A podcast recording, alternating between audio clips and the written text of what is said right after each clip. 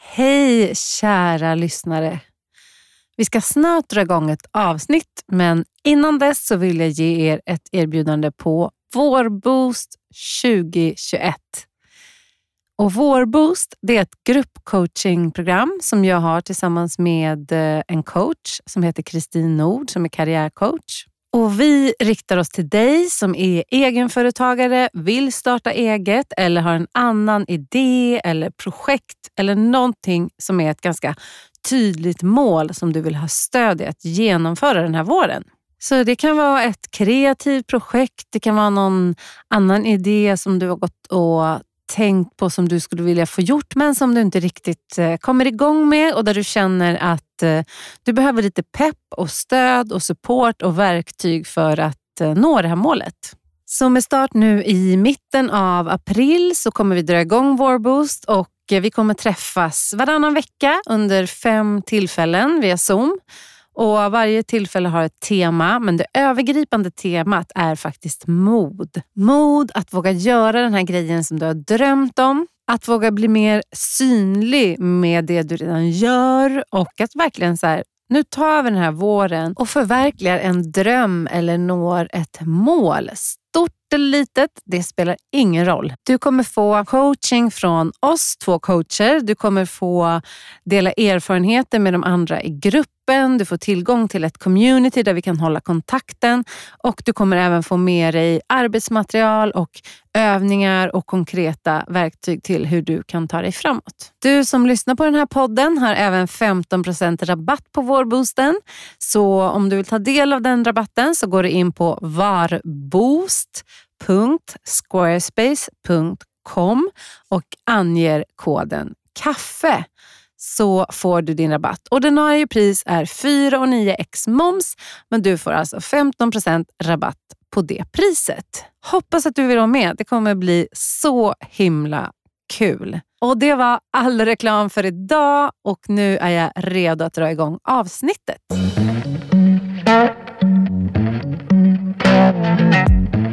Kaffe med fågel är en koffeinladdad podd om livet inifrån och ut. Här möter jag spännande gäster och vi pratar om kreativitet, motivation, mental hälsa och entreprenörskap. Jag som har den här podden heter Anna Fågel och jag jobbar som coach, utbildare, sångerska och låtskrivare. Så ladda med din kaffekopp och välkommen in i samtalet. I dagens avsnitt av En kaffe med fågel så träffar jag Ammo Cartwright. Ammo jobbar som coach, konsult och föreläsare och han är också känd för att prata om något som han kallar the golden mindset. Som handlar om att skapa vanor, tankesätt och eh, olika rutiner för att faktiskt må bra och fokusera på det som ger glädje i livet och på jobbet. Ammo berättar också om sin egen livsresa och uppväxt. Hur han har gått från en barndom och tonårstid som var väldigt tuff på olika sätt kring att ta sig dit han är idag. Där han är en person som mår bra och har börjat agera istället för reagera. Och det kommer vi prata om mycket mer i podden.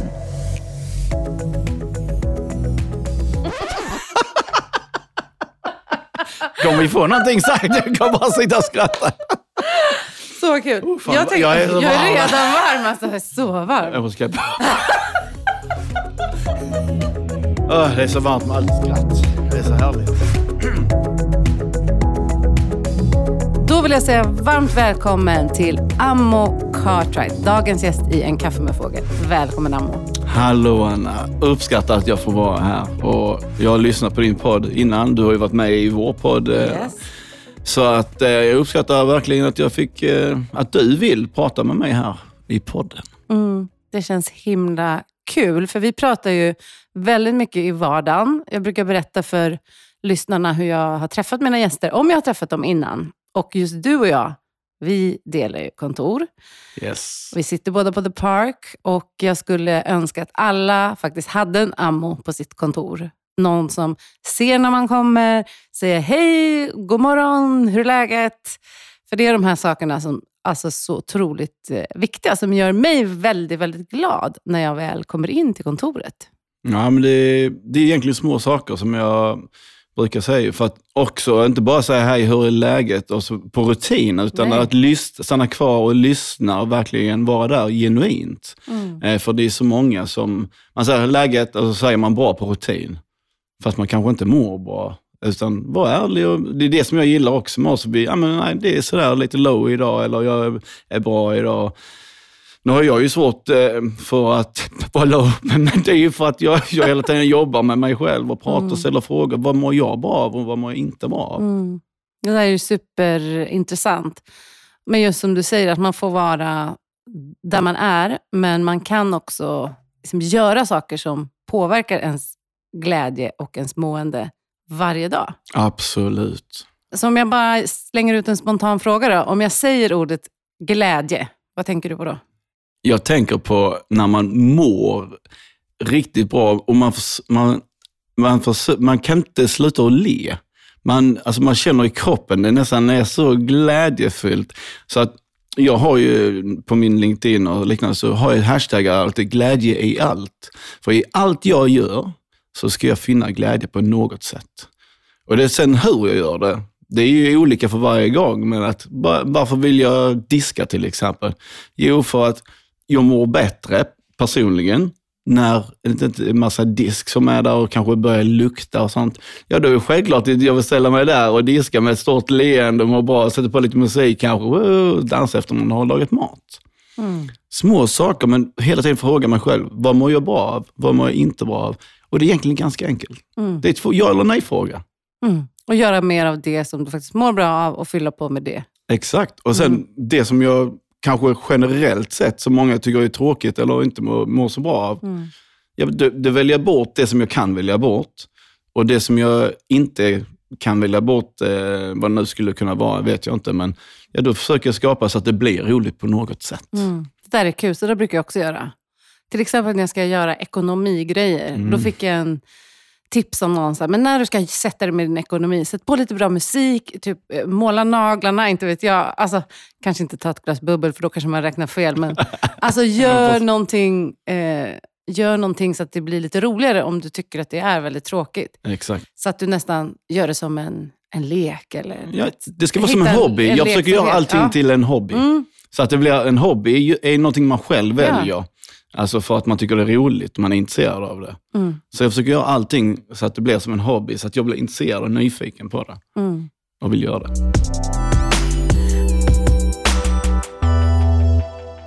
Du gillar ju att skratta, Ammo. ja. Apropå hobby. Ja. så hade vi världens skrattattack här innan. Ja. Och det var så härligt. Vi kunde inte sluta skratta. Nej, precis. Men det är det är ju där, har du det här inre lugnet, inre känslan av glädje, då är du mycket närmare till skratt hela tiden. Så är det. Och som sagt, jag har ju väldigt, jag hamnar i skov också där jag är lite nere.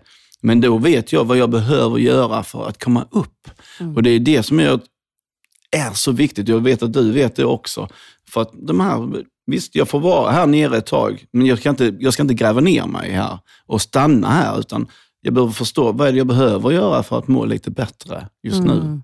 Så himla viktigt. Och vad har du, har du några speciella knep som just du behöver när du ska ta, ta dig upp därifrån?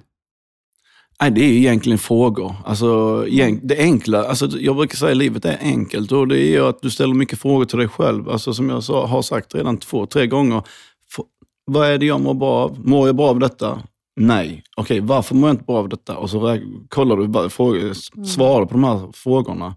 Och sen så, vad skulle jag behöva göra för att komma vidare? Mm. Ja, det här, det här och det här. Och sen så gör du dem, gör action på sakerna. För det är det som skiljer om man stannar kvar eller om man går vidare. För ibland så tar det lång tid. Man har varit nere i kanske ett längre skov, man har varit eh, eh, utmattad, man har varit liknande. Och då, då tar det längre tid att komma tillbaka. Mm. Och det måste man också ha respekt för. Ja, ja absolut. absolut, absolut. Den Jag bara- processen, Ja, ja, ja. precis. Det är en process. Men innan, jag pratar mycket om psykisk hälsa. Jag vill jobba proaktivt så du inte hamnar där. Mm. Och det är, alltså, det är det som är varje gång fråga sig. Varför är, om du är i ett förhållande där du inte mår bra, varför mår du inte bra? Kommunicerar du med din partner? Alltså alla de här olika frågorna. Vad är det som, inte är, vad är det som gör att du inte mår bra? Och vad är det som gör bra, att du mår bra med din partner? Mm. Det där är otroligt viktigt. Det hade vi faktiskt ett helt avsnitt om i podden med Coupleness eh, mm. grundare, där Jenny Holmström, som pratar om active love. Mm. Nu kommer vi in på det med förhållanden, men faktiskt att kärlekspartner, vi kan tänka oss att vi träffar någon och så tror vi, liksom, i början så anstränger vi oss väldigt mycket för varandra. Mm. Och sen tror vi att det bara ska flyta trots en vardag med barn, med disk, med hämt. Allting blir mer logistik och så glömmer vi bort att göra det där som vi faktiskt gjorde i början. Vi glömmer bort att vara nyfikna, vi glömmer bort att hitta på saker, överraskningar. Och så undrar vi varför relationer inte är bra. Exakt, och det, just, det pratar jag väldigt mycket om i mina föreläsningar och liknande. Att vi slutar, alltså tänk på när, det är samma, jag brukar prata mycket säljföreläsningar, men alltså, det är som när du är förälskad, du träffat någon första gången. Om du träffar din kund och gör likadant, men nu snackar vi förhållande. Alltså den här känslan där det pirrar i magen. Och du, jag ställer frågor till dig då, Anna. Och jag är nyfiken på dig, som du sa. Mm. Jag är nyfiken, mm. jag vill veta så mycket om dig så jag ska kunna göra dig så glad som möjligt. Mm. Eller hur? Mm. Skapa så mycket värde som möjligt för just dig. Mm. För att jag tycker om dig så mycket. Och sen kommer man över den här tröskeln efter ett ja, halvår, år eller två år, whatever. Man glömmer bort att göra de här sakerna som man vet att Anna tyckte om. Det här älskar hon ju. Och så tar man varandra för givet. Och när du tar någon för givet, då blir det aldrig bra. Och För mig är det väldigt viktigt att hela tiden visa uppskattning dagligen. Alltså säg hej vad vacker du är. Små, det behöver bara vara ord. Det behöver inte vara någonting som kostar pengar, utan det kan vara ord och hur du rör på någon och liknande, eller hur? Ja, exakt. Det, är, det är små saker. Mm. Och just att eh, inte tro att du vet allting om en person. Exakt. För att det tror jag var någon, jag tror att det var Björn Natthiko Lindeblad faktiskt i någon podd som sa om hans förhållande, att de har varit tillsammans länge. Och han sa att jag ser fortfarande henne som ett mysterium. Alltså att det finns det är lätt när man har varit tillsammans ett tag, att du slutar vara nyfiken. Eller när du har varit på en arbetsplats ett tag. Du utgår från att jag vet redan vad Ammo tänker, mm. så jag mm. frågar inte honom. Eller Exakt. jag vet redan hur den här personen fungerar, så jag frågar inte honom. Men det är så många lag i din människa som vi inte känner. Så om vi kan fortsätta se på de människorna vi har nära som ett mysterium, där det är massa saker vi inte vet. Där vi kan fortsätta fråga, fortsätta lyssna fortsätta vara nyfikna. Exakt. Jag brukar säga att man ska vara som en sexåring. Ja, de har alltid tusen frågor. Ja. Och vill veta, men de frågar hur, varför simmar flodhästar? Och sen får, får man ytterligare frågor efter man har svarat ja. på det. Och då ska det vara likadant i ditt förhållande och på ditt jobb och med andra människor du möter. Och det också, det ger ju att man får bekräftelse. Mm. Människan får ju bekräftelse och vi behöver bekräftelse hur bra självkänsla eller själv, eh, självförtroende du har, så behöver vi alla bekräftelse. Så är det verkligen. Och vi, vi blir också till i samband med andra på något sätt. Alltså, vi växer i våra relationer och tillsammans med andra. Absolut. Så, så otroligt viktigt. Och faktiskt tyvärr någonting jag tror att människor glömmer bort. Låt säga på en arbetsplats. Det är lätt att säga till när någon gör något dåligt, men du glömmer att bekräfta det när den gör någonting bra. Eller i en relation. För att man tänker då att nej, du, den vet ju redan när den gör bra. Mm. Exakt. Men vi behöver få höra hela tiden. Hela tiden ja. alltså, det är som när jag, när jag är fotbollstränare, eller är, och då är det väldigt viktigt för mig att hela tiden, bra, bra pass, bra det här. Och för att sen när jag ska ge konstruktiv kritik, tänk på att göra på så här. Tänk på, du kan tänka dig när du passar, kan du mm. göra på det här sättet. För att då tas det emot på ett mycket bättre sätt. För om jag bara ger kritik, kritik, kritik. Då tror de inte du vill deras bästa? Ja, nej, att inte, nej, de är inte bra nog. Jag, jag, vill, jag är en dålig ledare. Mm. Och, det, och det är samma i förhållande mm. med dina barn, med allt. Exakt. Se det de gör i vardagen och mm. hela tiden. Och uppskatta det och visa uppskattning till dem och berätta för dem. Mm. Feedback är väldigt mycket, viktigt. Ja, men det är också mycket lättare att, som du säger, ge den här konstruktiva Exakt. eller mer negativa feedbacken. Mm. Om du har byggt en grund av tillit och förtroende och den här personen vet att så här, Amo han gillar mig, han tycker att det mesta jag gör är bra. Eh, så har du byggt den innan Precis. så kommer det vara så mycket lättare. Ja, det ja. blir bara lättare och lättare. Ja, exakt.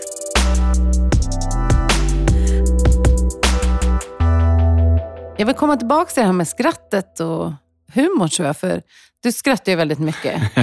ja, så, ja. Och jag ser det ju som en... Du berättade det här om man har varit utmattad eller deprimerad och sådär. Eh, jag upptäckte när jag själv var utmattad att jag inte hade tillgång till mitt skratt. Och när jag märkte det så blev jag ledsen. Jag kände, herregud, vad har hänt med mitt eh, skratt som alltid brukade bubbla? Och efter det har jag funderat så mycket på det här att skrattet och glädjen, alltså det är verkligen en viktig del av livsenergin. Absolut. Och välmåendet. Ja. Alltså de och säger, lekfullhet. lekfullhet. liksom. Barn skrattar ju ungefär 400 Ja. gånger och medan en vuxen Ja. i snitt snackar vad är det, 30-40 Ja. gånger om dagen. Ja. Det är ju, jag är ju den, jag är barnet där, för jag har ju 400 gånger om dagen skrattar hela tiden och får andra människor ofta att må, skratta på grund av att jag skrattar. Jag kan stå på bussen och bara skratta eller sjunga eller vad som helst så börjar folk skratta så ja, jag skrattar jag också. Exakt. Så hur tänker du som det kring liksom skrattet som, som en grund för välmående? Att ha lätt till skratt, Mm. Det är ju någonting som är positivt skulle Mm. jag säga. Mm. Det finns ju, nå- det finns ju skrattyoga nu för tiden. Mm. Har du det är- testat det? Nej, jag, har ju, jag, yoga, jag yogar skrattyoga varje dag så jag vet inte om jag kan testa det. Men, eller om jag är en bra client. För jag, Ja, det kanske jag är förresten. Men vi hade ju ett bra skratt här innan. Det Mm. Ja. var ju som skrattyoga, mer eller verkligen. mindre. Ja. Och det är ju viktigt, och det är för att man vet hur viktigt det är med skratt för välmåendet. Mm. Och människor som mår dåligt, jag såg en dokumentär om Japan, där de hade skrattyoga. Mm. Där det var mycket äldre, fa- faktiskt eh, 60 plus, som gick på den här skrattyogan och de bara skrattade i gäng. Och de berättade att många av de här var ensamma. Mm. Så de behövde det här, både att man var flera stycken som höll då, lärde känna varandra, men att de skrattade med någon annan på riktigt. Och du vet, och de, det var så härligt att se och hur mycket bättre de mådde. Mm. Alltså rent fysiskt Mm. och mentalt. Då. Ja, Men det är superhäftigt, för jag testade det när jag gick, eh, pluggade till mindfulnessinstruktör. Då höll vi på att göra olika övningar som tar fram olika typer av energi. Alltså, Mm. Ibland kanske du behöver meditera. Men har du mediterat ett tag, då kanske du behöver röra på dig. Ja, nu sitter du och stretchar lite. Ja. Ja, men alltså att, och sen kanske du behöver skratta. Alltså du, att du själv kan gå in i olika typer av energi. Mm. Och då hade vi en sån här skratt. Och jag var lite skeptisk. Jag tänkte, herregud, det kommer inte funka. Men det var omöjligt att inte skratta när du är i ett helt rum med människor som skrattar. Så jag fick liksom beviset, det smittar Ja, verkligen. men det finns ju sådana roliga YouTube-klipp Ja. där de, är, någon låtsas, de ska skratta på tunnelbanan. Helt plötsligt skrattar hela Ja. tunnelbanan. Alltså det är så... Det är så härligt för att det smittar. Jag tror att vuxna tenderar att bli för allvarliga. Ja, men jag jag- kan se på mig själv också. Ja, ja, men det är de flesta. För att samhället är uppbyggt på det viset. Att det ska vara allvar. Är du äldre så ska du sköta dig och köra i- enligt en norm. Mm. Och då brukar jag alltid säga, vad är det som är normalt? Mm. För vad är som är normalt för dig är inte normalt för mig. Mm. Vad som är normalt för Ulle är inte normalt för Niklas. Och du vet, vi har olika uppväxter och då blir det normalt väldigt olika. Och det är detsamma, det kommer jag återgå till förhållande.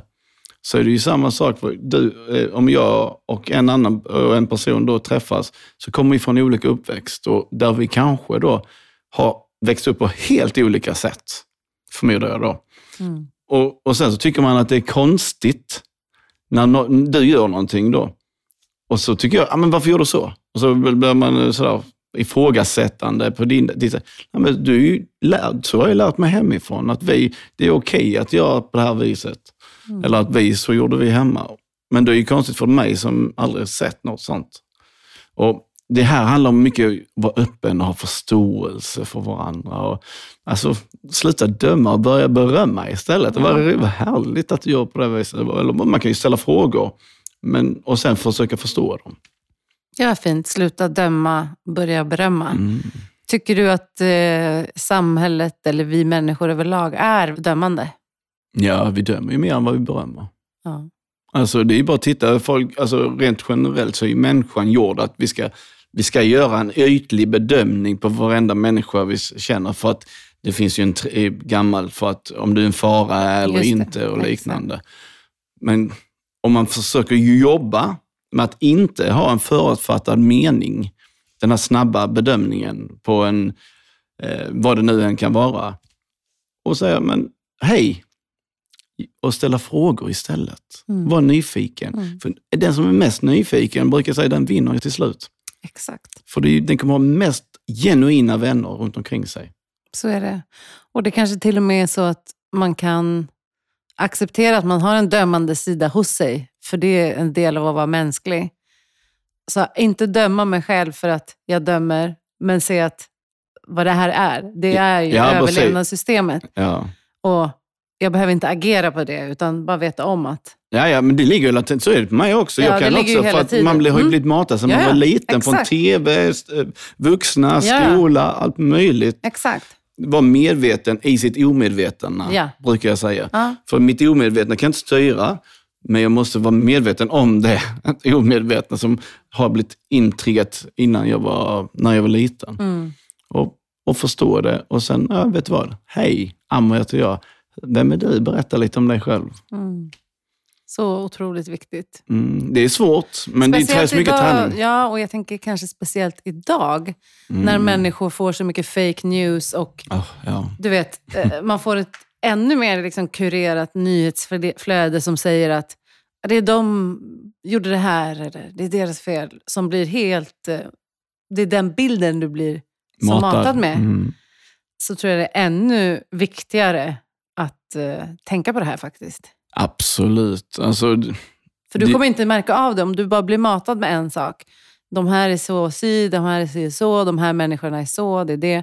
Till slut kommer du att tro att det är sant och då kommer du att börja bete dig på ett sätt som mot dem. att det är sant. Precis. Mm. Helt rätt. Mm. Och det är, det, det är så, det, särskilt när man är tonåring, då söker man ju oftast olika gäng att hänga ihop med, Ja, där, man visst. känner, där man blir bekräftad. Mm. Och därför kan man i en del hamna i dåliga eh, sällskap på grund av att de bekräftar en. De ger en den bekräftelse man söker. För att man kan inte- Tillhörighet. Tillhörighet, exakt. För att man inte har fått det någon annanstans. Så att eh, det är väldigt viktigt hela tiden att bara ställa sig själv frågor. Och i, när, du är, eh, när du är tonåring så är det ju då är det annorlunda, för då är du ändå sökande. Eh, då ska man testa olika saker. Enligt mig, då, det är en period av test. Ja. Man testar både föräldrar, man testar sig själv och sådär. Man tänjer på olika gränser. Precis som du säger, nu kommer vi liksom lite till bakgrund och uppväxt. Nu jobbar ju du med the golden mindset och du jobbar mycket med att sprida glädje. Du jobbar ju även med att coacha både säljare, människor i sin performance, arbetsgrupper, alla möjliga.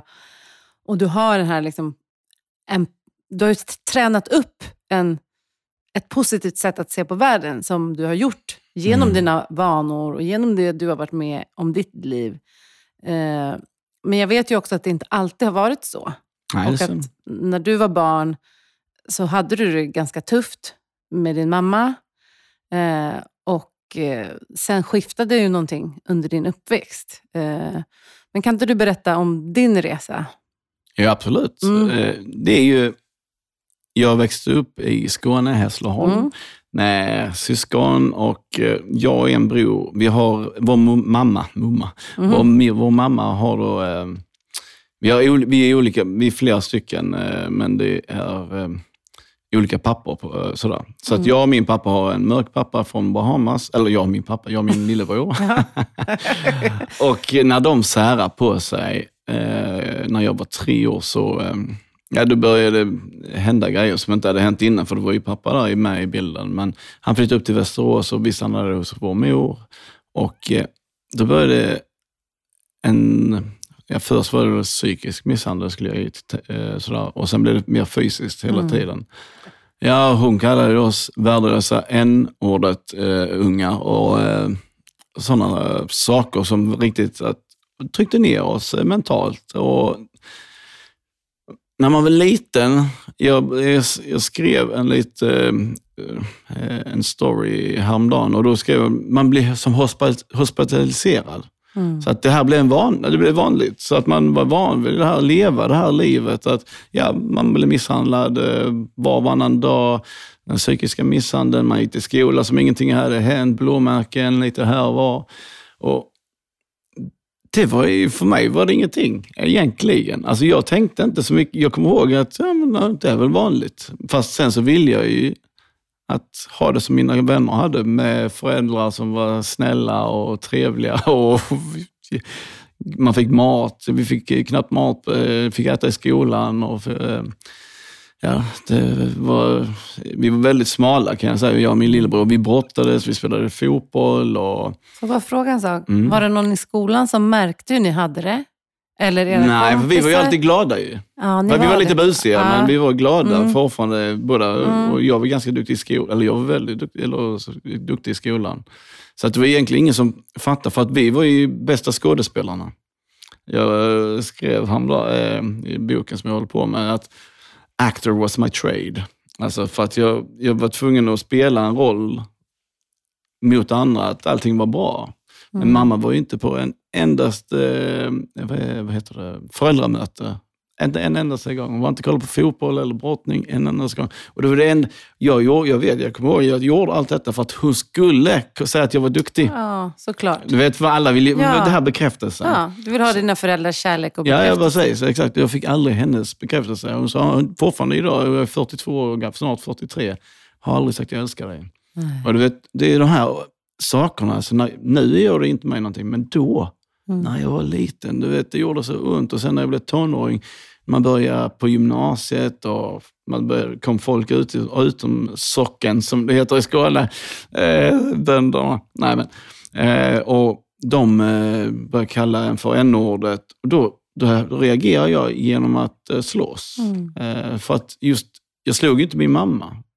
Så när någon annan sa det så triggade det mig, det svartnade för ögonen. Eh, och det blir ganska känt att det blev, så. Så då blev man utmanad av eh, diskotek, som det hette på den Just tiden.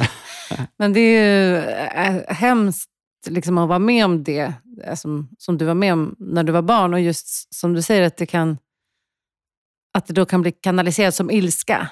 Så ja, kanske ja, man är precis. arg eller ledsen. Eller liksom... ja, ja, och jag var inte arg en enda gång. Nej. Det roliga var för att jag oftast jag slog en gång och sen sa jag sorry, förlåt. Mm. För att jag då klarnade upp mitt huvud. Jag vill inte slåss ju. Nej. För att jag, jag är snäll och vill alltid hjälpa människor. Mm. Men de här orden, när någon sa det, då triggade det mig. Och ja. Det var en trigger som var negativ. Och mm. idag så pratar jag mycket om triggers, fast som är mm. positiva. Mm. Hitta en, bra, en trigger som gör dig glad, eller mm. olika triggers. Eh, för många associerar triggers till negativt. Exakt. Och de är bra att vara medvetna om de negativa för att eh, man behöver liksom inte så, såra människor i onödan. För Aldrig. Vissa kan ju liksom uttrycka sig på sätt som gör att människor blir triggade och så kan mm. de tycka att äh, nu är den här överkänslig eller bla bla bla. Men du kan också tänka dig för så här, hur, hur du kommunicerar. Sen kan man aldrig veta vad människor har för triggers. Nej, nej, nej, det är, så är det ju. En del kan ju reagera på att jag... På vad som helst? Ja, för att jag säger någonting här ja. nu. Jag, men saken är här, när jag väl börjar jobba, mm. jag började jobba på ett psyk sen, mm. precis efter gymnasiet när jag fyllde 20. Och då, då började jag förstå att min mamma nog inte mådde så bra, för att jag såg mycket likheter i människorna som var, som var intagna där med min mamma. Så då började jag göra min egna lilla research och sätta mig ner som vi gör nu och prata och försöka lyssna särskilt på dem, ännu mer med dem som var, var lik min mamma än de andra, men jag gjorde det med alla. För att förstå hur tänker de, hur jag trodde jag skulle kunna förstå hur de tänker för det, men alla är olika, fattar jag till slut.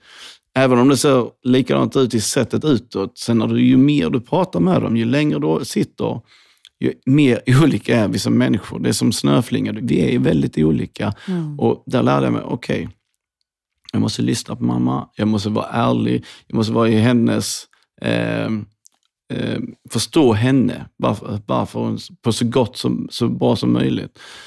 Så efter ett år av den här researchen där på det stället så åkte jag hem till mamma och sa att jag vill prata med dig. Och eh, då berättade jag för henne att eh, jag satt i tre timmar eh, vid matbordet och så, eh, så jag, jag grät hela tiden och så, så berättade jag så långt jag kunde komma ihåg från tre, fyra års åldern kanske.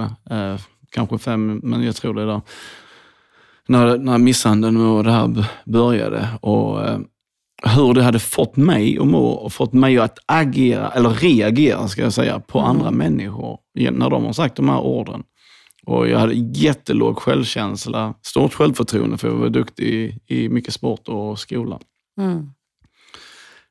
Och hon bara, men det där har inte hänt. Det, men det visste jag ju då. När hon sa de här sakerna, då visste jag hur hon skulle reagera. Eller när jag sa de här sakerna visste jag hur hon skulle reagera. För att jag har ju varit med, jag har ju precis studerat ett år människor och pratat om sådana här saker, känslor och liknande. Hur de blir flyktiga och sen, och det där är inte sant. Okej, okay. mm. men det är okej, okay. jag bara fortsatte prata. Jag lät inte det störa mig. Fick ut allting så att jag skulle kunna stänga dörren i mitt medvetna här uppe och, och undermedvetna. Och till slut så sa jag, mamma, det var tre timmar, hade gått, jag älskar dig. Eh, och så kramade jag henne. Och sen så sa jag hej då och sen stängde och gick jag därifrån. Och då var jag väldigt, väldigt glad. Hoppade hem och mådde så bra.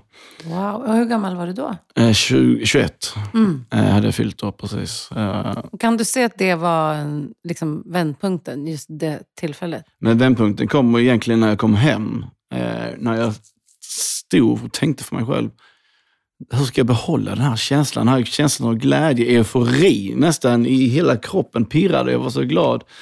Och då eh, hade jag ett post-it-lapp som låg på bordet någonstans. Och så skrev jag så du är bra Amor. Mm.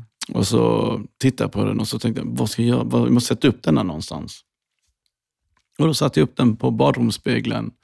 Och så eh, lovade jag mig själv att säga detta fem gånger varje gång jag är på, går på toa, så ska jag, eller är på badrummet, så ska jag säga jag mår bra Ammo och så ska jag titta mig själv in, eller jag är bra Ammo och titta mig själv in i ögonen.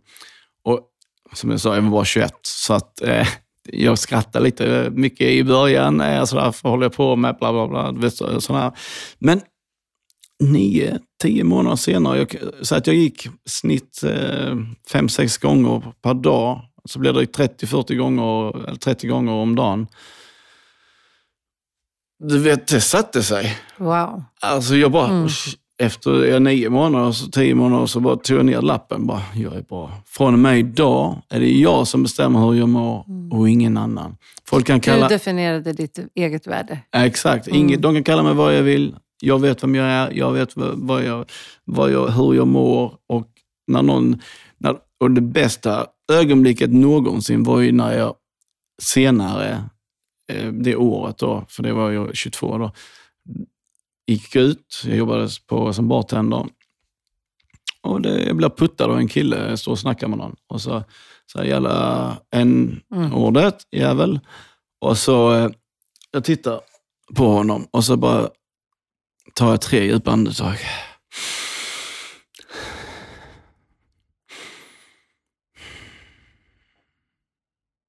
jag mår bra. Hur mår du? sa jag med ett leende. Och han bara tittar på sina vänner. Vad i helvete, sa han. Och så bara puttade han och så sa han orden igen. Men då var jag beredd och jag var ju borta så jag var rätt så stark så att eh, jag höll emot. Och så sa du, vet du vad? Låt mig bjuda dig på en drink. Jag bjuder på en drink. Så, står du, så pratar du och jag, sa jag. Han bara puttade mig två, tre gånger till, men som sagt, jag var ju beredd. Så till slut så fick jag honom till baren.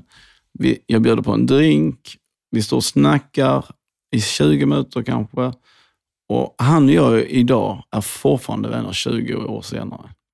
Är det sant? Ja, ah, och då, det var då jag fattade att mm. jag ska sluta reagera och börja agera. För jag har reagerat på allt negativt innan. Och nu börjar jag agera på det istället. Och vad hände? Alltså, jag vann.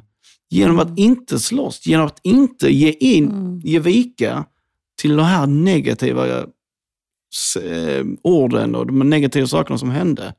Utan jag var starkare än det.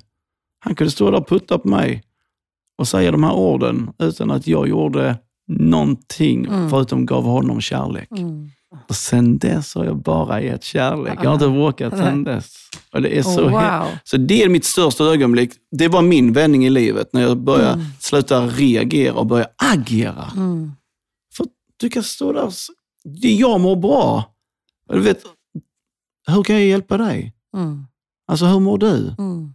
Om du behöver vara dum mot mig eller negativ mot mig, ja, då, har, då, då är det ju någonting som inte du, du mår förmodligen inte bra då. För jag har inte gjort dig någonting. Jag bara står där och är lite mörk. Eller hur? Mm. Och, du vet, och det roliga är att efter det, eller ja, sen hade jag ju ups and down. Jag ska inte säga att jag, där, jag var ju på en resa där och det är jag fortfarande. Det tar ju aldrig slut. Och det är ju också fullt rimligt, alltså, om någon lyssnar, det är ju också fullt rimligt att man reagerar och att man blir arg när man blir utsatt. Eh, Det är så rimligt liksom, Mm. att, att man gör det. Ja, ja. För det kräver ju liksom mycket av en att kunna göra det du gjorde. Mm. Eh, men också det skiftet, att du liksom bestämde dig för att ingen ska komma åt dig. Nej, nej. Nej, men det jag bestämmer hur jag Mm. mår. Annars är det ju så här att precis som tv, det, eh, alltså media, sociala medier, eh, vänner, hur de påverkar, det är de som bestämmer hur du mår i så fall. Mm. Inte du själv. Jag bestämmer hur jag ska må nu. Och det är det som är skillnaden eh, och det är det som jag vill lära ut till folk mycket med The Golden Mindset. För det är där man kan säga min The Golden Mindset startade. Mm. Det är ju 20 år sedan nu. Sen att det har blivit lite känt de senaste åren, det är ju en annan, det är ju roligt, jättekul. Men jag, jag kan berätta en annan sak som hände eh, samma, jag tror runt samma tid, jag var 22-23. Och där jag då föll tillbaka. Det var jag var tillsammans med en tjej och kommer hem till henne ja, på natten eh, efter att ha varit ute. Och då eh, knackade jag på fönstret eh, för jag hade glömt nyckeln. Och då eh, ligger hon där med, sin, med, ett, eh, med en kille. Då. Jag ser jag genom fönstret. och, jag bara, eh, och så Oh knackar jag på fönstret. Jag bara, och de bara tittar och han bara... De bara och sen så ja, klär på sig och han går ut andra hållet. Och hon kommer då och öppnar till mig. Konstigt nog, jag fattar inte hur, det hade inte jag gjort. Men, Välkommen. jag, men jag var väl ganska högljudd för mig det. Jag kommer inte ihåg exakt, men jag kan tänka mig det för att jag kommer ihåg vad som hände sen. Det var att när jag kom in där så sa jag massa dumma saker. Massa dumma saker. Och sen så ha- hade hon en porslinselefant eh, som eh, jag visste att hon hade fått av sin mormor, som var död. Och den tog jag och kastade sönder. Jag rörde inte henne. Jag, mm. Och vet du vad? Sen tog jag mina kläder och så gick jag. Och du vet, när jag gick hem sen, så gick jag och tänkte för mig själv. Ammo, vem är det som mår dåligt? Är det du eller hon? Du mår ju jättedåligt nu på grund av att du tog sönder porslinselefanten som du vet var viktig för henne. Mm. Du sa dumma saker till henne. Du mår dåligt för du vill inte skada någon. Jag, jag, satt, jag pratade högt för mig själv alltså. Och det fanns inga mobiler och sånt på den tiden. så att jag, stod, jag pratade väldigt högt och så sa jag de här sakerna. Sen den dagen så sa jag, jag ska aldrig mer vara dum mot någon. Jag ska inte göra någonting, trycka på några knappar för att någon ska bli arg. Utan jag ska försöka förstå dem. Mm. Och, du vet, för, men det, som jag sa, det går ju upp och ner. Alltså jag var ju under en lärningsfas. Upplärning så är det fortfarande. Men då var det så att jag kunde klara det kanske i fem månader. Och så kanske jag hade en dålig, eh, sa någonting mindre bra. Och sen, sen kanske det gick sex månader. Vet, Ja, så, ja. du Vet, idag så händer det aldrig. Nej, men det är otroligt ändå. Men hur ser du på skillnaden då att vara den här i kärlek och sätta gränser? Nej men gränser. Jag säger alltid, som till Ja. exempel, det här är enkelt. Jag Ja. träffade en tjej eh, när jag var, jag vet inte, 26 eller något sånt, Mm. 27. Och då sa jag, hon rökte. Så sa jag, jag, tyck, jag var väldigt kär i henne och så sa jag, jag gillar inte rök. Så att jag skulle uppskatta om du slutar och för att när du ligger i sängen och luktar hår, eh, rök eh, Mm. och sådär. Jag tål inte det. Men jag sa det från första början. Men jag sa jag förstår att du inte kan göra det nu direkt eller sådär. Men du får tre månader på dig om du vill då. Ens försöka. Så hon, ja absolut och sådär. Och sen så gjorde hon inte det utan hon började röka mer faktiskt. Det var det så. Det, för det där funkar inte när någon annan säger till. Nej, exakt, det är det som är grejen.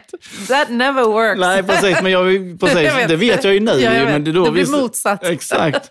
Och jag bara, det här Hon bara, jag är den jag är. Ta mig som jag är. Ja. Jag tycker röka. Ja, ja, men exakt. Och hon gjorde ju rätt i sig, enligt Ja. mig. Hon stod upp för jag såg något det hon som var ville göra. viktigt Hon rökte i två paket om dagen. Jag bara, oh, too much for me. I'm sorry. Eh, Så jag, efter, de, jag sa tyvärr, det funkar inte. För att jag vet vad jag behöver och vill. Eh, och det är väldigt tydligt, men nu kan du inte med rökning, men du skulle träffa någon. Nu är det mycket färre som röker nu för tiden också. Men eh, väldigt tydlig med att sätta vad, jag vad, Och sen vill jag alltid, jag, jag är frågvis, jag är nyfiken, så jag vill alltid fråga hela tiden. Hur, för att vi förändras ju. Mm. Där jag var när jag var 25, men jag är inte idag när jag är 43 snart. Mm. Och det är samma för när jag var 35. Jag har ju förändrats på den här resan. Exakt. Erfarenheter och olika saker jag varit med om. Så att Ja. vi är en ständig förändring. Så är det. Nej, men för jag tänker just att när någon säger någonting eget, e- elakt till en som är väldigt triggande och som, som man blir sårad av, då tänker jag att ibland kanske det bästa är att säga så här, vet du vad, det är inte okej att du säger det här till mig. Nej, men då brukar jag säga så här. Ursäkta mig Anna. Mm. Jag kanske missförstod det du sa. Mm. För det kändes konstigt för mig. Mm. Hur menar du när du säger de här sakerna? Mm. Så brukar jag säga. Mm. Det är alltid För, bra. då, för då är det ju, Ja. då, är jag blir inte, då är inte jag aggressiv mot Nej. dig och du får förklara dig igen. Mm. Säga det på, oftast nästan hundra gånger av hundra så säger personen det på ett helt annat sätt. Mm. De säger inte samma elaka saker igen. Alltså, fast jag vet att de kanske menar det elakt, Mm. så, vill, så förbättrar de sig. Och det, är- det är så enkelt sätt att säga det. Men, ursäkta, jag kanske missförstod dig när du sa det här. Hur menar du? Får säga det två gånger i rad. Det gör första gången, första gången är det oftast arg, arg. Eller vad det nu kan vara. Andra gången så har du lugnat ner dig kanske, förhoppningsvis. Mm. Eller så får man gå en runda och så får man prata sen. Mm. Man ska ju aldrig ta en diskussion när man är väldigt arg. Det håller jag verkligen med om. För det är, det är för Mm. många som gör det och det är därför det blir så hetsiga diskussioner. Och det är bara lugnt, pausa, gå till varsitt rum eller sitt bredvid varandra, men var tysta. Och sen när ni har lugnat ner er, då börjar vi prata om det. Så är det. Verkligen. Och det kan ju vara jättesvårt.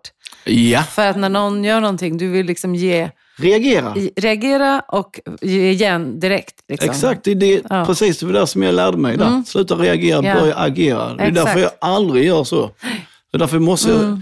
också, när du får ju också tid att tänka när du ställer en motfråga. Alltså när jag ställer en fråga till dig, men ur, ursäkta, eh, ska vi ta det här senare? Eller jag förstår inte riktigt vad du menar. Då får jag ju också tid att tänka och ger dig tid också. Att, att behandla den här Mm. frågan och inte vara i det här agiterade tillståndet där man är angry. Nej, men jag håller med. Jag och min man brukar faktiskt hjälpa varandra med det där. Om det är någonting, låt säga att man får ett mejl, nu händer inte det mig så ofta, men man kanske får ett mejl som jag, jag blir irriterad på eller någonting. Att liksom så här, nej, jag svarar på det här imorgon. Jag gör ingenting nu. Jag behöver lugna ner mig. Eh, jag har också en regel att jag svarar inte i affekt på saker på sociala medier till exempel. Mycket bra. För att jag kan läsa någonting och så har jag kanske 5% av informationen. Mm. Och det här gäller ju många, för vi, vi har ju ofta inte hela backstoryn. Så ser vi någonting som triggar igång liksom all känsla av ilska och den här idioten eller den här. Så där tänker jag också mig mycket för att liksom, ett, ta reda på historien bakom och inte skriva och driva på det här. För det driver ju på. Och så Absolut. blir någon arg och sen blir nästa arg. Då är man ju i en spiral av eh, reaktion. Absolut. Mm. Det är därför försöker jag möta allt med kärlek. Mm. Och du, eh, jag hade ju en, eh, ett troll på min LinkedIn innan. eh, Hade du? Absolut. Mhm. Och den, han skrev massor och eh, varje dag skrev han negativa saker, både om mig men även om mina barn och saker. Och då mötte jag det med kärlek hela tiden. Ja, men, eh, han sa en gång, men om det, eh, för jag hade, jag berättade en story när jag blev rånad av två killar i Bromma. Att jag gav dem pengarna och sen när de var klara så, så, hade jag en fin klocka på mig. Och så sa jag, killar, kom tillbaka. Jag har, har eh, en klocka här som ni kanske behöver, för ni verkar behöva den mer än mig, sa jag.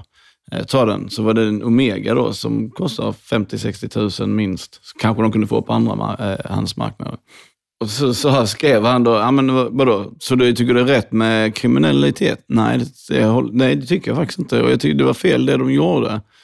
Men i det, i det, i det momentet så vet jag inte vad jag tänkte faktiskt. Men jag vill bara, jag har, hade jättemycket klockor på den tiden. Eh, så att för mig så kändes det som, ja, ta den också för ni behöver den bättre än mig. Och det, det, det tog mig fem sekunder att svara så. Jag kunde reagerat och sagt negativa saker, men jag byggt in att jag, det är så här jag tänker. Kan du inte ibland tänka så här att du inte bara vill svara om det kommer Nej, nej jag svarar alla. Du svarar alla? Alla. Även troll? Mm. Även trollen, mm. för de ska veta att de kan försöka trolla mig. Mm. Så ska jag försöka trolla bort dem. Finns det inte en impuls som tänker så här bara, ah, orkar inte ens snacka med den här idioten? Nej, för jag, så här, om jag ska mm. berätta vad jag tänker. Mm. Jag tänker att just, ju mer negativ en människa är, mm. Ju roligare utmaning är det för mig. ja, ja, okay. Så ja, tänker jag. Alltså försöka få mm. den till att förstå att det är mycket roligare att vara positiv och tänka så här och göra så här. Mm. Så jag träffade honom efter ett och ett halvt år i Göteborg. Jag frågade, jag ska till Göteborg, vill du ta en kaffe? Han bara, ja, Han trodde aldrig att jag skulle våga det, efter alla hans tolkningar. Så vi tog en kaffe, snackade och han försökte då eh, få mig att prata negativt. Jag det, det går inte. Det är mycket roligare att vara positiv, sa jag. Kolla här, kolla det som händer på mitt content. Kolla det som händer på ditt content, sa jag. Jag har kvarts miljon, en kvarts miljon folk som ser mitt content nästan varje dag, sa jag. På LinkedIn. Vad, vad har du? Du kommer in och hoppar på mina och trigger, försöker trigga. Men det är jag som vinner ju. Så om du provar istället att lägga ut positiva grejer, så till honom, du vet, på LinkedIn. Och så, han bara, nej men jag tror inte det funkar på samma sätt. Jag håller ju, jobbar med, han jobbade med triggers. Alltså för att trigga folk på Facebook-annonser och sånt. Mm. Och sen efter vårt möte, då går han ut och lägger ut en video. Den där Ammo, han är på riktigt. Alltså det går inte att bräcka honom. Han, är, vet, han, är, han har ett svar på allting positivt. Vet. Och sen, sen efter det så gjorde han bara positiva inlägg. Mm. Så I ett och ett halvt år så hade han bara trollat mig. Så jag mötte honom med kärlek hela tiden och, alltså, och ändå eh, kommunicerade på ett bra sätt. Så jag tror alltid att man ska möta alla med kärlek. För jag brukar säga haters are your biggest admirers. För att de lägger ju mer tid på dig än på sig själva. Så är det ju absolut. Att det krävs ju att man inte lägger ner så mycket på sig själv för att ha tid att orka eh, hata på andra. Liksom. Precis. Verkligen. Hade man lagt ner lika mycket tid på ja. sig själv så hade man ju mått mycket bättre. Så är det.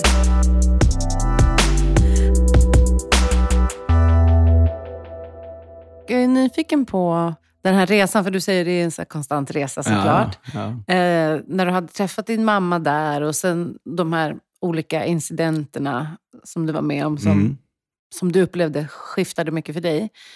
Eh, gick du liksom i någon terapi? Alltså? Nej, nej, nej. nej. Jag, förlåt, jag sa nej, nej. Eh, men terapin var väl att alltså jag hittade ju det här själv på något mm. konstigt sätt. Eh, så löste jag det i tidig ålder, i 21, utan att prata med någon förutom sjuka människor. Men, och där fick jag ju lära mig mycket om mig själv och om andra människor. Mm. Och det har ju gett mig otroligt mycket eh, kärlek. Och det lärde mig också att uppskatta att jag är frisk mm. varje dag.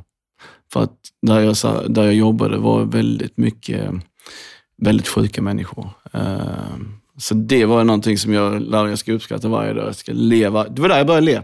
Varje dag. Mm. Efter första dagen så hade många av de som jobbade pratat om diverse mördare och liknande, vad de hade gjort och sådana grejer. Jag var ju 20 år då. Kommer hem, somnar och drömmer att två av de här har tillfångatagit mig. Jag blir våldtagen av en kvinna då, som eh, fastbunden våldtar mig och slår mig, misshandlar, allt möjligt. Och jag vaknar upp. Jag bara, jag ska dit här nu. Vad ska jag göra? Alltså jag bara kände, jag vet ju vad... Alltså du skulle gå till hjärt, jobbet? Ja, alltså, hjärtat bara slog. Och då vet jag bara, hur skulle jag vilja bli bemött om jag hade varit in, inlåst där eller varit en av patienterna av eh, vårdarna. Jag kommer dit, öppnar dörren, stort leende, säger hej till alla, pratar alla, så, lägger en hand på dem, på de flesta, för en del kunde man inte röra för då smällde det. Men hej sa jag till alla och log. Och du vet, efter ett tag, jag gjorde det här varje dag, efter ett tag så, så eh, personalen var så trötta på mig. Alltså, de vill, alltså jag blev så mobbad. Jag visste inte att jag blev mobbad på den tiden. Mm. Av personalen? Ja, personalen mobbade mig jättemycket. Idag hade jag fattat det, men jag fattade inte det då. Nej. För jag fick alltid typ vara själv. För kvinn, det var mycket, det var 95 procent kvinnor på den tiden. Mm. Men, och de, de hade jobbat där lite längre, tyckte det var tråkigt, det var inte så roligt. Vad fan, de sa på ett sånt här möte, för vi fick träffa psykolog tillsammans, som ett personalmöte en gång i månaden för att vädra och sådär. Då var det en som sa så, kan, man sa då till Ole då, som var psykologen, man kan väl inte gå runt och le här varje dag och vara glad, sa, sa en då. Och så sa jag, vad tänker du då, sa Ola. Ole då. Så sa jag, jag kan, jag kan svara på den. Eh, jag, jag tycker det, sa jag. Men jag gör det för att jag må, vill må bra och jag vill få, göra det bästa för våra boende här, sa jag. Och, men hur, hur, hade, hur känner du? Alltså Ole, nu ställer jag frågan, ett scenario. Säg att det står en patient och det står en vårdare och båda två står och skriker på varandra. Det kommer någon utifrån som ska hälsa på eller lämna något paket eller vad som helst. Tror du, någon, tror du den som kommer utifrån går förbi det här paret som står och skriker på varandra? Eller tror du den stannar och frågar den ena för att den vet att den ena är vårdare? Eh, förmodligen så går de förbi. Eftersom båda står och skriker så båda borde ju vara intagna här. Skulle jag ju tänka. Mm. Så därför, för det, det, var ett scenario som hade hänt precis nyligen med den här personen då som eh, hade sagt de här, sa det här till Olle. Och, vet, Åh, vad hon, hon skrek, reste sig upp och sprang rakt ut. Jag sa inget namn, jag sa bara en situation. Ja, hon och, kände nog igen sig. Hon kände väldigt mycket igen sig. Och du vet, för, för det handlar ju om jag står och skriker på en boende, som skrika på mig, vad gör mig bättre? Jag är ju där för att hjälpa dem. Mm. Då, varför ska jag då gå, göra samma sak som de gör tillbaka? You don't fight fire with fire. Mm. You fight fire with love. Mm. Så jag gav massa kärlek, jag brukar ta över dem. Jag, det är det som jag lärde mig, att sitta där och lyssna. Jag visste att jag var där för att hjälpa, så att jag gick in med den inställningen redan från början. Och sen att vara glad och öppen mot dem. Mm. Men det var någonting som jag också lärde mig under vägens gång. Att uh, hur mycket det ger att bekräfta dem och lyssna på dem. Så att, uh, det var en fin skola uh, att jobba där. Ja, det låter verkligen som att det var en skola för dig där du alltså, lärde dig otroligt mycket om dig själv. Men också om, om din uppväxt. Och liksom... Jag kunde hantera den. Ja. Precis. Ja.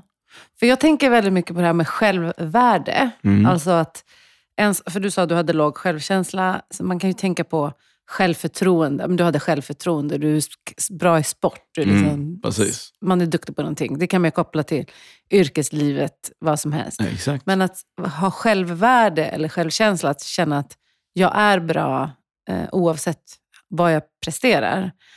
Det om jag har förstått rätt, då, var ju någonting du har fått träna upp. Absolut. Eftersom du fick höra att du är det här, du är mm. dålig, du är det. Jag är värdelös och sånt. Du är värdelös. Och till slut så integrerar man ju lätt de orden som barn. Att det blir en känsla liksom. Mm. Ja, ja alltså, det, grejen är så att jag kanske inte rent generellt kände att jag var värdelös. Men jag var ju värdelös i, i den personens ögon som jag ville ha mest bekräftelse ifrån. Ja. Och då gjorde allting annat oviktigt. Mm. Så därför blev min självkänsla väldigt låg. Eh, och det byggde jag ju, det var där jag lärde bygga mig upp självkänslan. Så att ja, från mig idag så är det, jag vet att jag mår bra och jag mm. gör saker som jag mår bra. Mm. Och vad du säger, det, det visst det kan vara viktigt, men det ska inte påverka mig på det sättet som det gjorde så att jag mår dåligt och mm.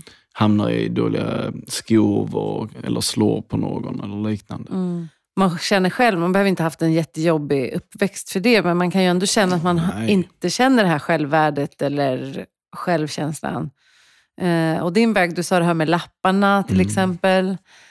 Eh, vad gjorde du mer eller vad har du för andra tips? Eftersom du också jobbar med det här. Det är inte Mm. bara din egen story, utan du Nej. jobbar ju med det här hos andra människor. Hur man kan träna upp känslan av att men jag är värdefull, eh, precis som jag är. Ja, men det är hela, alltså igen, frågor. Mm. Och, ställ, och sen prata med sig själv, vara nyfiken på vad är det jag tycker om. Och va, va, varför reagerar jag som jag gör när folk säger på det här sättet? Mm. För oftast hänger det ihop med kanske barndomen, det, kanske, det kan hänga upp med någonting som har hänt. Det kan vara ett förhållande. Och där har din självkänsla blivit lägre. Det viktiga är, lappar funkar alltid. Brukar jag säga. Det är bara för att det funkade på mig, men många som har gjort det, som jag har coachat, de, det har funkat hur bra som helst. Eh, självkänsla är ju någonting som är det bästa som finns. Alltså när du verkligen har den. Och när, du kan, när den blir så stark så att du, ingenting kan bryta ner den, mer eller mindre, då, då blir du oövervinnlig. Alltså, och det är då man hittar den här glädjen, den här inre glädjen som jag kallar det för. Inre kärlek. Jag brukar, du ska ha en inre kärlek. Det är, Mm. det är en starkare självkänsla enligt mig. För att du ska vara så kär i dig själv så att du blir kär i andra. I andra människor. Det är därför jag säger de här orden. Mår du bra så gör du, gör du bra. Mm. För det är så enkelt. Alltså livet är superenkelt. Att bygga små stenar. Sen är det olika för alla hur du bygger upp din självkänsla.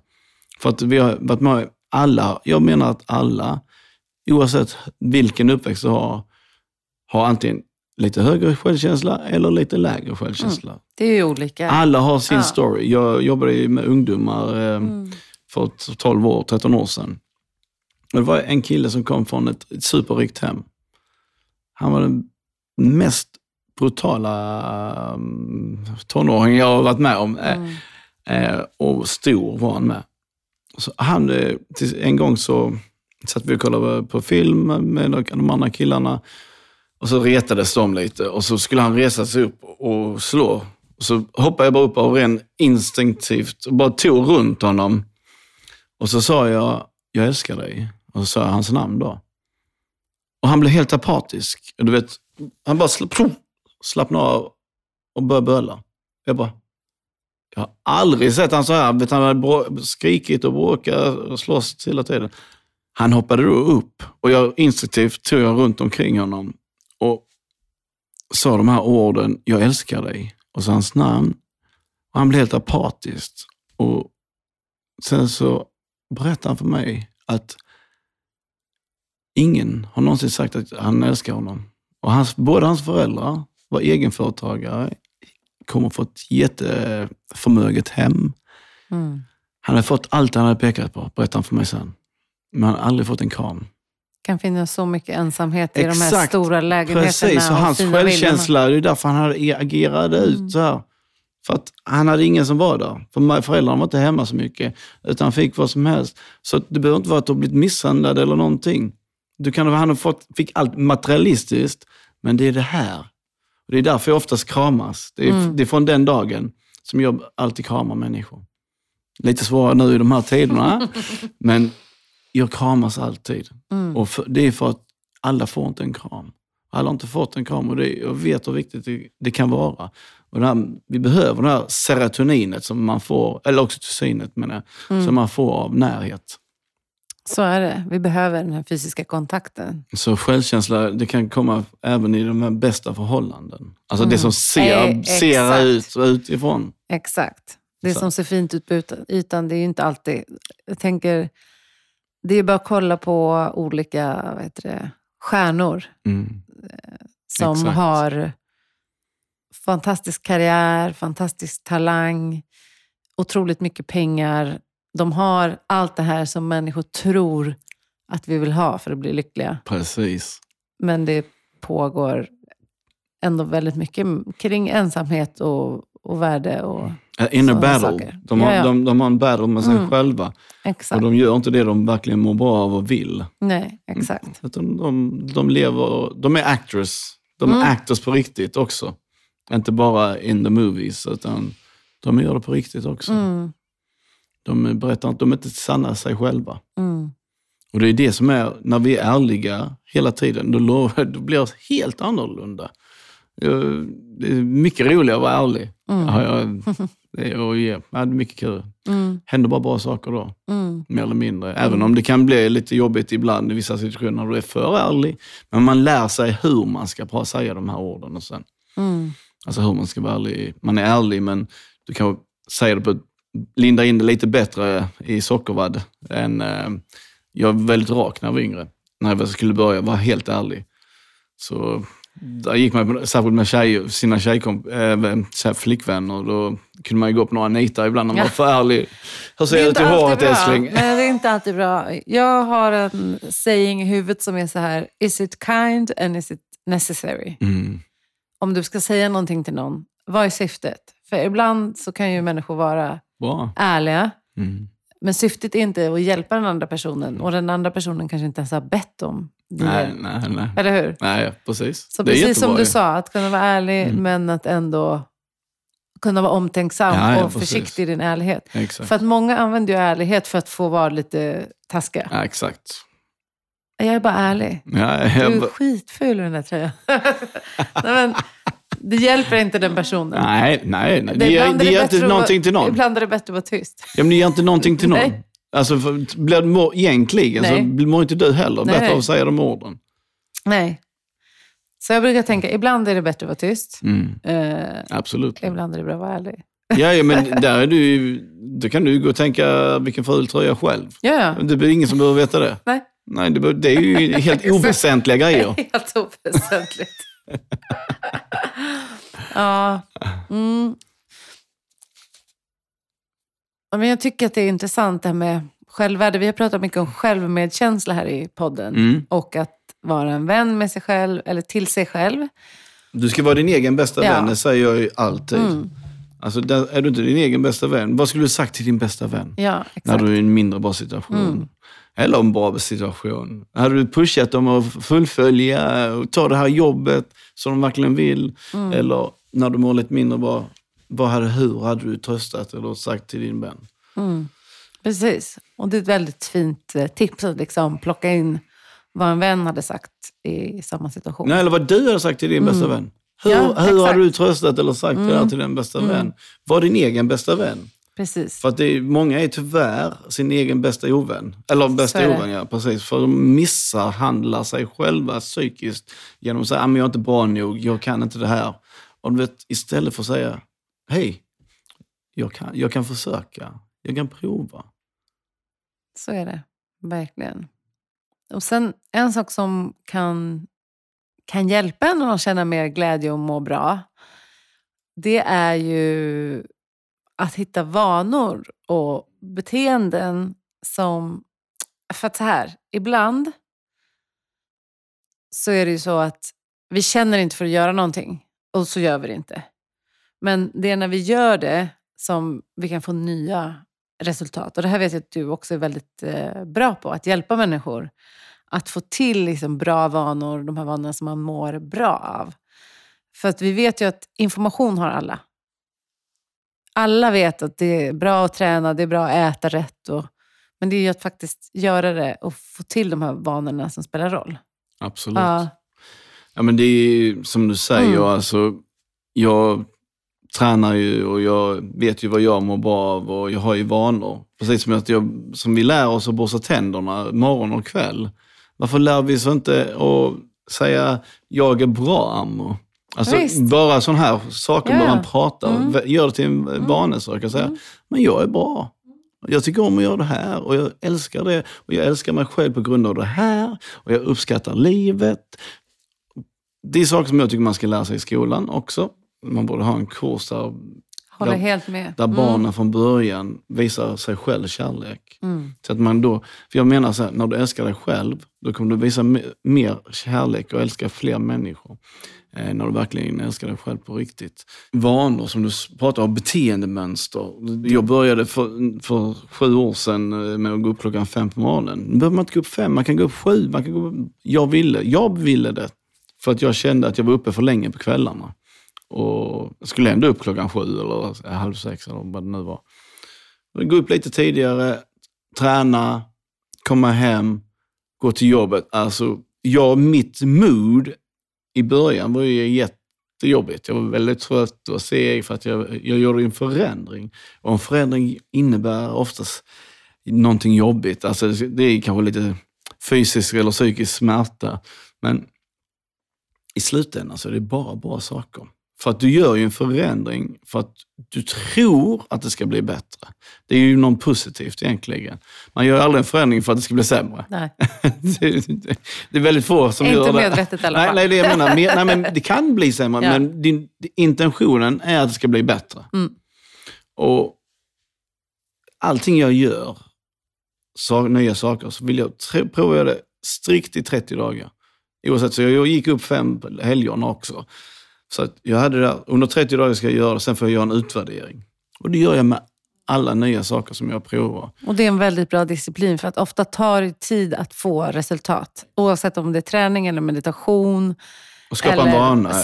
Någon slags Mm. vana. Alltså, om du går och tränar tre gånger, då kanske du kommer känna att det är negativt. Du Exakt. känner dig trött och ont i kroppen. Så tänker du att, jag fattar inte varför folk säger att det här med träning är så bra. Nej. Jag slutar. Ja, ex, exakt. Nej, men det, Eller det, samma med meditation som jag gör varje morgon. Det är ju Mm. inte heller någonting som de flesta människor kanske njuter av första gången. Nej, nej, Utan nej. det blir ju en härlig upplevelse när man har gjort det ett tag. Ja, Och när ja. jag har fått in vanan. Precis. Och då är det en stund som är lika viktig som att borsta tänderna. För det är min mentala hygien. Den är viktigare. Ja. För tänderna klarar det utan. Men, Jag vet inte, jag har ju precis haft tandvärk. Ja, men ditt, know. ditt välmående klarar du inte utan. Du Nej. kan, du kan gå utan tänder. Men ditt Ja. välmående kan göra så att du, du ligger hemma Men tandvärk och... påverkar ju välmåendet. Ja, det kan, ja, ja, ja, ja, det kan det göra, absolut. Men du kan, Jag bara, din du, kan, du kan vara utan tänder, Ja, menar jag. Och ändå klara dig lika bra. och bara dricka soppa. Ja, b- bara så. Ja, men du kan ju få eh, löständer. Ja, Finns ju. Jag förstår din poäng, jag bara Nej, driver lite ja, nu. I know, I know, I know. Men jag menar, allting, det finns alltid lösningar.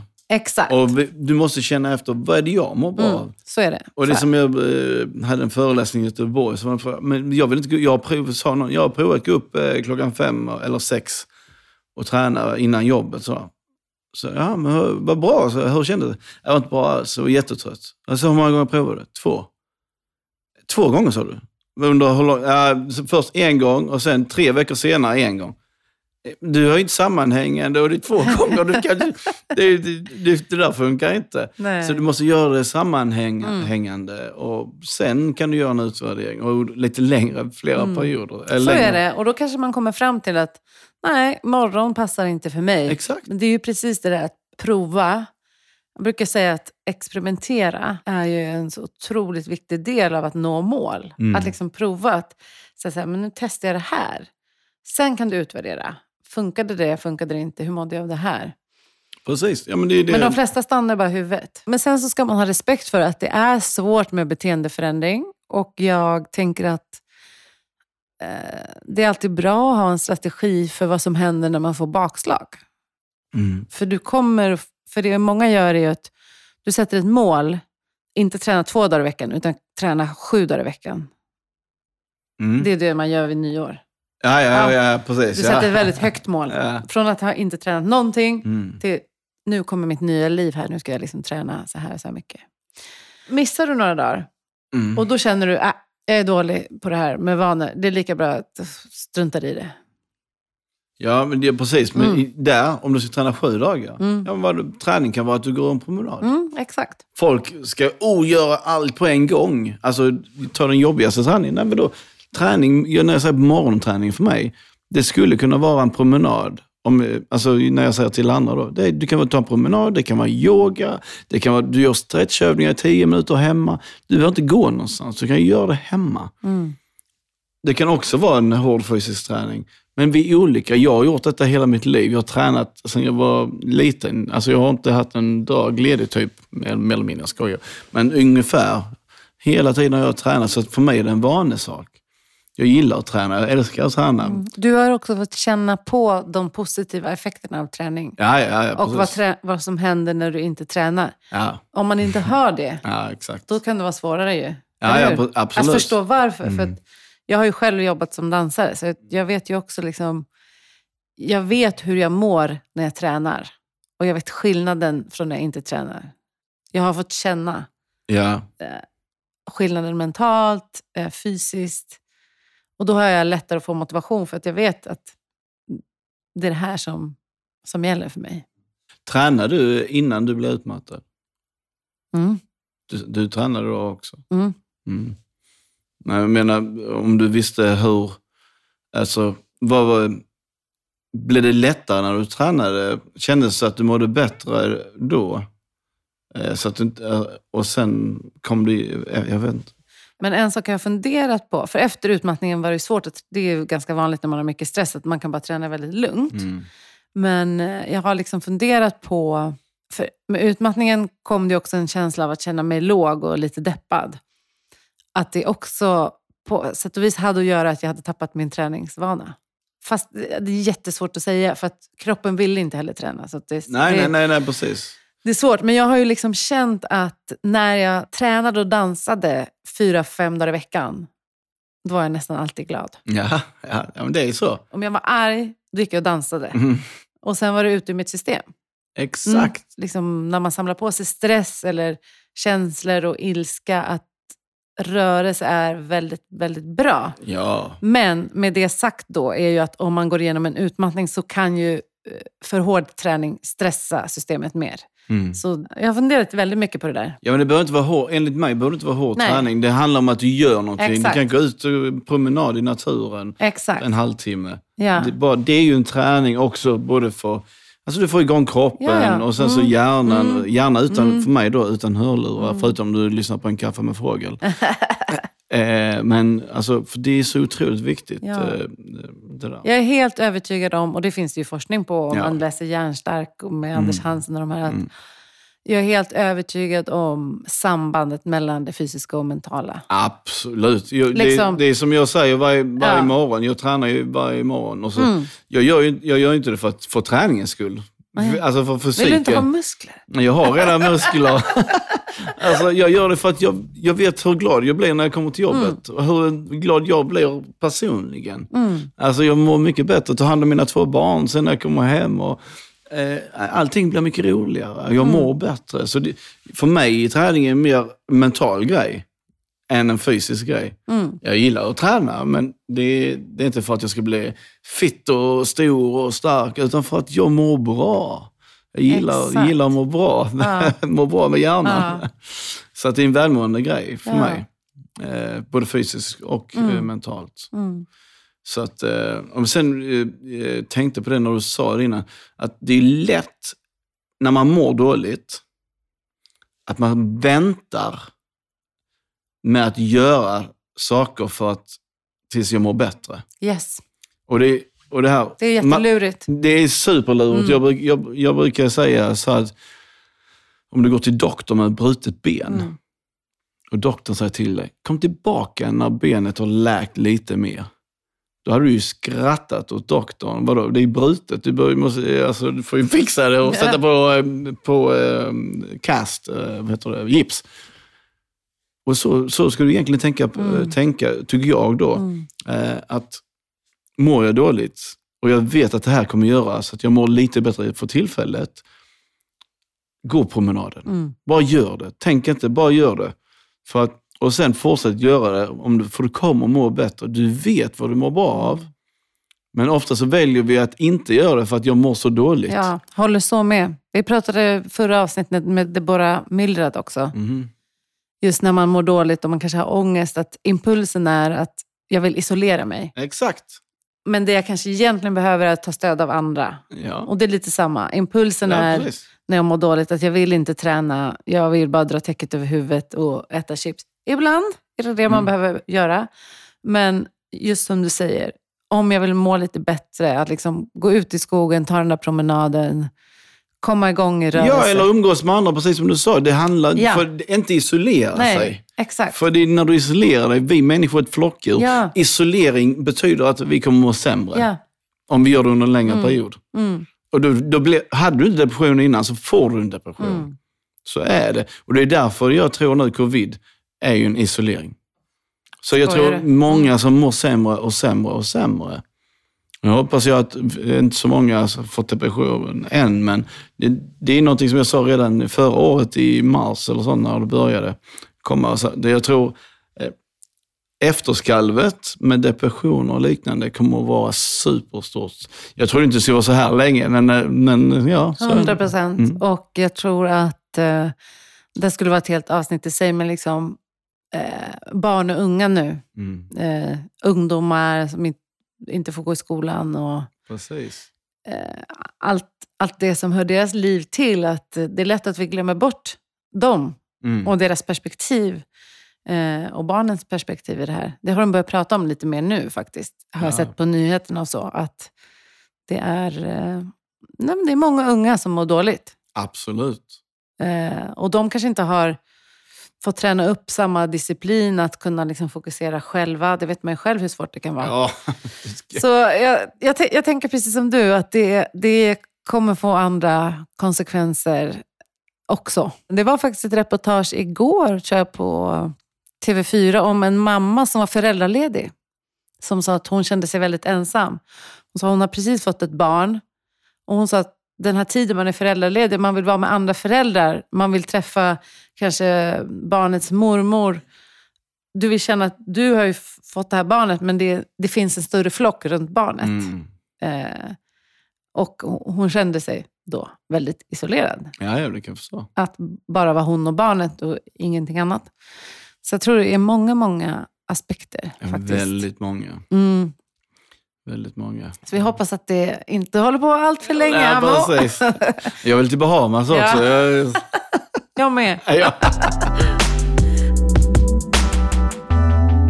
Det var bra att avsluta på det här med vanor. Att eh, inte alltid gå kanske på den där första impulsen att eh, nu har jag ingen lust eller nu ska jag inte göra det här. Utan att faktiskt ta sig tid att göra vad den är som får dig att må lite bättre. Det är det absolut viktigaste. Att göra Var- det, Ja, ja. var- var- varför ska jag inte göra det? Jag vet Ja. att jag mår bra. Ja, Alltså, när du tänker på det, när du mår bra, Mm. då kommer du ju bara skratta. så är det. Men det, det, det är när du mår sämre Mm. som du ska komma ihåg varför du ska göra det, de sakerna. Mm. För då kommer jag må bättre. Precis. Då kommer jag vara i det här tillståndet som jag var då. Precis. Det, bara kanske, det, Ja. det kanske tar längre, det kanske tar lite, lite en startsträcka. För någonting som jag brukar säga, det, någonting som är otroligt viktigt är tålamod. Vi behöver ha tålamod för det, saker och ting tar tid. Mm. Vi vill ha en förändring så här på ett, på ett knapptryck. Det är inte så det funkar. För att du ska göra en förändring, både för dig själv inne här och för andra, så kommer det ta tid. Och du måste ge det tid. Du måste vara uthållig, ha tålamod och ha viljan att göra, göra det, förändringen. Mm. Bra slutord. Är det någonting sista du vill skicka med till lyssnarna, Amo? Eller? ja, Vi har det, täckt många ämnen idag. ja, precis. Men att det enkla i livet är att förstå vad du mår bra av och göra mer av det och göra mindre av det som du mår mindre bra av. Och sen att du börjar tro på dig själv på riktigt och visar det för andra. Mm. För om inte du tror på dig själv, varför ska jag tro på dig? Tack så hemskt mycket för att du har varit med i podden, Amo. Jag uppskattar att jag fick vara med i en Kaffe med Fugel. Och tack för ni som har lyssnat också. Tack ska ni ha. Ah, ha det bra. Ciao, ciao. Hej då! Hej.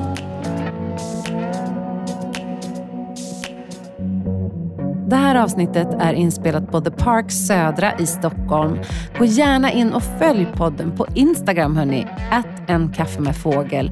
Där kan ni hänga med i allt som sägs. Ni ser vad det är för nya avsnitt och ni får gärna kommentera där och om det är några tankar som ni hade om just det här avsnittet.